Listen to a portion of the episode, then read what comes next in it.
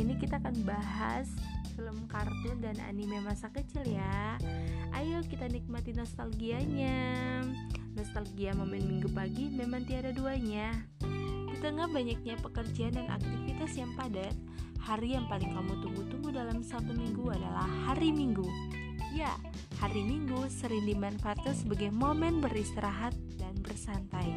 Untuk kamu yang sangat sibuk, mungkin kamu tak sabar ingin rebahan seharian namun, gue mau ajak kalian semua menikmati nostalgia dulu. Saat masih kecil, hal apa sih yang kalian nantikan dari hari Minggu? Hmm, gue sepertinya bisa tebak jawabannya. Ya, kartun pagi. Terutama untuk kalian para milenial, minggu pagi sering diwarnai dengan beragam kartun dan anime yang seru. Coba, gue mau nanya, Siapa nih yang sejak jam 6 pagi sudah siap di depan TV buat nonton kartun atau anime favorit? Mungkin sejak pagi TV sudah kamu book dan remote control sudah kamu kuasai. Jangan sampai channel TV berubah deh pokoknya. Sambil menikmati sarapan, mungkin mata kalian pun tetap tertuju ke layar kaca sehingga gak mau ketinggalan adegan penting. Aduh, seru ya masa kecil kita. Oh iya, by the way, kalian tahu nggak sih perbedaan antara kartun dan anime? Serupa, tak sama. Ternyata keduanya memiliki beberapa perbedaan loh. Dilansir dari diven.com, perbedaan kartun dan anime terletak pada beberapa aspek. Dari segi karakteristik visual, misalnya karakter-karakter anime memiliki tampilan fisik yang relatif mendekati realita. Dari segi terminologi, anime mengacu pada semua produk animasi Jepang. Sementara itu, kartun mengacu pada media model lukis. Meskipun sekarang kalian bukan anak kecil lain, gak ada salahnya loh memanjakan inner child dalam diri. Daripada sekedar bahan saat libur, coba deh tonton televisi atau streaming tayangan kesukaan kalian zaman dulu. Nah, gue punya 10 pilihan kartun dan anime yang akan mengajak kalian menikmati nostalgia masa kecil. Ayo, siapkan cemilan kalian dan check this recommendation out. 1. Doraemon Nah, sepertinya tayangan yang satu ini punya vibe nostalgia yang paling kuat. Dilansir dari artikel berjudul Doraemon Goes Abroad, Doraemon pertama kali muncul sebagai komik di tahun 1970. Doraemon sendiri merupakan manga dan animasi karya Hiroshi Fujimoto yang lebih dikenal sebagai Fujiko F. Fujio. Kalau pertama kali dirilis tahun 1970, kebayang dong berapa usianya Doraemon? Yang jelas sih dia lebih tua dari gue ya. Karakter robot kucing berwarna biru ini menemani minggu pagimu bersama Nobita dan kawan-kawan. Kehidupan Nobita dan berbagai perahara yang ia hadapi disajikan secara komikal yang bikin kita ketawa geli. Meskipun sering terkenal masalah, untungnya ada Doraemon yang siap membantu Nobita dengan kantung ajaibnya. Selain serial animasi, Doraemon juga hadir dalam beberapa feature film seperti film 3D berjudul Stand By Me yang emosional. Hah, sedih. Yang kedua ada SpongeBob SquarePants. Selain Doraemon, kartun yang satu ini tentunya nggak asing lagi di telinga kita. Ya, SpongeBob SquarePants adalah salah satu tayangan penuh nostalgia yang mengajak kalian melirik kehidupan di Bikini Bottom. Dilansir dari halaman IMDb-nya, serial karya Stephen Hillenburg ini dirilis pertama kali pada tahun 1999 di Amerika Serikat. Bersama Patrick Star, Squidward Tentacles, dan Sandy Cheeks, SpongeBob menemani masa kecil kamu. Usia serial ini memang sudah tua, tetapi kartun ini tetap memiliki banyak penggemar. Menurut artikel di Deadline, serial SpongeBob SquarePants akan hadir kembali dengan season ke-13. Meskipun banyak adegan yang menggelitik, ternyata serial ini lebih dari sekedar kartun komedi loh. Dilansir dari Fox Pop, SpongeBob SquarePants ternyata memuat banyak kritik sosial, tetapi tetap diilustrasikan secara komikal. Wah, harus nonton lebih serius nih. Yang ketiga ada Chibi Maruko-chan Momen nostalgia masa kecil kamu makin lengkap dengan serial animasi yang satu ini.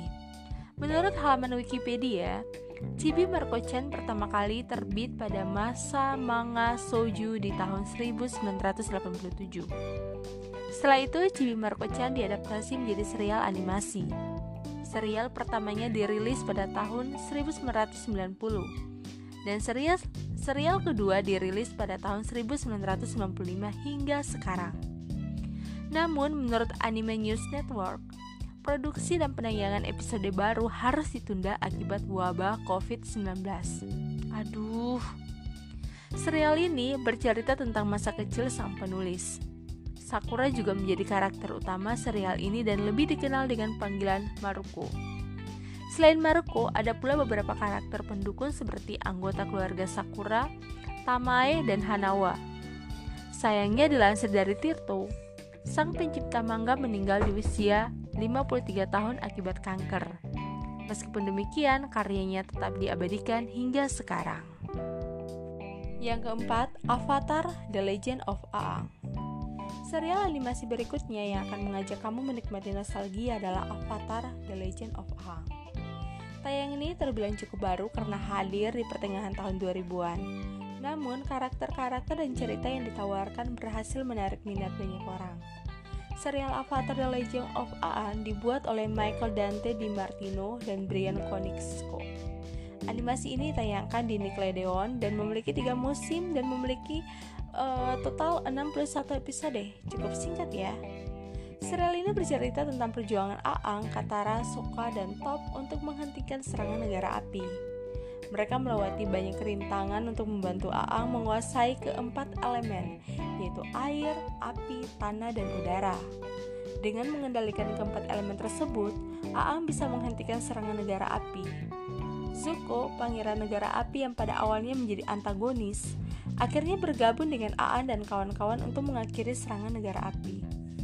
Hmm, siapa nih karakter favorit kalian di serial ini? Yang kelima ada Crayon Shin-chan. Bicara soal nostalgia masa kecil, serial yang satu ini nggak boleh terlewatkan. Menurut halaman Wikipedia, Crayon Shinchan pertama kali dirilis sebagai komik di majalah Weekly Manga Action pada tahun 1990.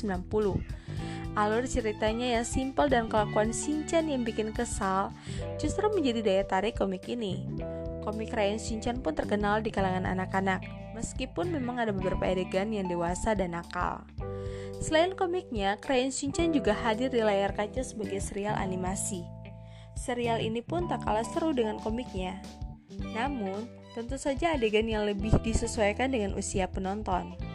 Dilansir dari Bombastis, dubber karakter Shinchan versi Indonesia adalah Oni Syarial. Tingkah Shinchan yang bikin para guru dan teman-temannya di TK aksi sangat menggelitik. Meskipun bandel, Shinchan anak yang baik dan sayang keluarga dan juga teman-temannya loh. 6. Ada Inuyasha. Serial penuh nostalgia berikutnya adalah Inuyasha. Wah, anime yang satu ini memang ikonik banget. Lagu pembukanya yang ceria bikin kamu semangat di pagi hari. Pada awalnya, Inuyasha merupakan manga karya Ramiko Takashi yang pertama kali dirilis pada tahun 1996. Setelah itu, Inuyasha diadaptasi menjadi serial animasi yang pertama kali ditayangkan di tahun 2000. Alur utamanya bercerita tentang Kagome dan Inuyasha dalam petualangannya mengumpulkan pecahan-pecahan Shikonotama. Berlatar Jepang di era Sengoku dan zaman modern, episode-episode Inuyasha dipenuhi dengan kelakuan kocak Inuyasha, Kagome, dan Shippo. Dilansir dari Inuyasha Fandom, Inuyasha sendiri sebenarnya merupakan siluman anjing di setengah manusia. Penampilannya yang garang dengan jubah berwarna merah, rambut putih panjang dan telinga anjing yang sangat ikonik. Meskipun sering bertengkar, ternyata Inuyasha dan Kagome ini saling cinta loh. Wow. Yang ketujuh, ada Hey Arnold. Kartun nostalgia yang satu ini akan bikin kamu gegeretan. Dilansir dari Nick Animation, Hey Arnold pertama kali dirilis pada tahun 1996 dan memiliki 100 episode. Sesuai judulnya, protagonis dari serial Hey Arnold adalah Arnold Shortman, seorang anak SD kelas 4. Plotnya berpusat pada kehidupan Arnold yang tinggal bersama kakek neneknya, Phil dan Gertrude. Penampilan yang khas membuat karakter ini banyak disukai orang. Arnold berteman dengan Gerald Johansson, sahabatnya sejak lama. Gerald pun dianggap sebagai sosok yang keren dan cerdas. Selain Gerald, Arnold pun berteman dengan Helga Pataki. Cewek yang satu ini sering bersikap kasar dan membuli Arnold. Meskipun kelihatannya jahat, Helga ternyata seperti kata Sherry Bell, diam-diam suka sama Arnold. Sikap kasarnya ternyata merupakan topeng untuk menyembunyikan rasa sukanya. Aduh, kriketan. Yang kedelapan ada Digimon Adventure. Kalau anime satu ini sepertinya sudah dikenal banyak orang. Lagu pembukanya saja bisa bikin momen nostalgia kamu jadi mengharu biru. Pertama kali dirilis pada tahun 1999, Digimon Adventure menceritakan petualangan anak-anak terpilih di dunia digital. Ditemani Digimon kesayangan, mereka berusaha mencari jalan pulang sambil menyelamatkan dunia digital. Serial ini pun memiliki beberapa sequel dan diadaptasi menjadi dua film. Film yang baru berjudul Digimon Adventure Last Evolution Kizuna. Salah satu yang paling membangkitkan nostalgia dari anime ini adalah lagunya. Lagu berjudul Butterfly ini pasti nggak asing lagi di telinga kalian para pencinta Digimon. Beraransemen rock, lagu ini dinyanyikan oleh Wada Koji. Sayangnya, dari jurnal Otaku, Wada Koji menghembuskan nafas terakhir pada tahun 2016 akibat kanker nasofaring. Wah, jadi ku sedih dengernya. Eh, ngomong-ngomong, Digimon kesukaan kalian apa nih? Kalau aku sih suka yang Angemon. Yang kesembilan ada The Fairly Odd Parents. Masa kecil kita diwarnai oleh beragam kartun dan tayangan yang diproduksi Nickelodeon. Salah satu kartun nostalgia yang sayang kalau dilewatkan adalah The Very Odd Parents. Kartun ini cukup terkenal di pertengahan tahun 2000-an. Pertama kali dirilis pada tahun 1998 sebagai animasi singkat. Namun di tahun 2001, serial ini ditanyakan kembali dengan durasi yang lebih panjang. Kartun The Very Odd Parents memiliki 10 musim dengan 172 episode. Wah, bisa jadi bahan tontonan yang awet. Serial penuh nostalgia ini menceritakan Timmy Turner dan orang tua perinya Cosmos dan Wanda. Cosmo dan Wanda sendiri memiliki penampilan layaknya manusia biasa, tetapi dengan tubuh kecil, sayap mahkota, dan tentunya tongkat sihir. Mereka sering mengabulkan keinginan-keinginan Timmy yang terkadang justru bermasalah. Di serial kocak ini, ada pula karakter Vicky, babysitter Timmy yang jahat. Oh ya, di musim-musim berikutnya, Timmy juga punya adik peri dan anjing peliharaan pergi. Hmm, gemes banget. Dan yang ke-10 terakhir adalah film kesukaan aku yaitu Detektif Conan. Serial animasi terakhir yang cukup nostalgia adalah Detektif Conan. Aduh, siapa sih yang gak kenal dengan serial yang satu ini? Dikenal pula dengan nama Jepangnya Meitantei Conan Detektif Conan adalah serial manga detektif karya Gosho Aoyama Komiknya menjadi salah satu serial yang terkenal dan pasti bisa kamu temukan di toko-toko buku besar. Serial animasi televisi pertama kali ditayangkan di Jepang pada tahun 1996 hingga sekarang. Mungkin kamu sudah tahu plot awal serial ini, Shinichi Kudo, si protagonis, adalah seorang anak SMA yang diracuni cairan yang membuat tubuhnya mengecil. Ia pun akhirnya tampak seperti anak SD, dan untuk menyembunyikan identitasnya, termasuk dari kekasihnya Ranmori, ia memegang identitas baru sebagai Conan Edogawa. Conan Tran dan ayahnya, Kogoro Mori pun sering menyelesaikan berbagai kasus bersama-sama. Tak sadar dengan identitas asli Conan, Tran pun sering merindukan Shinichi dan tetap setia menunggu. Romantisnya? Wah, jadi itu adalah 10 kartun pilihan dan anime nostalgia masa kecil dari aku ya. Sebetulnya ada lebih banyak tayangan-tayangan yang kita nonton pada masa kecil. Untuk kamu yang jenuh dengan kesibukan sehari-hari, tayangan-tayangan ini bisa menjadi hiburan yang pas. Apa kartun atau anime kesukaan kalian?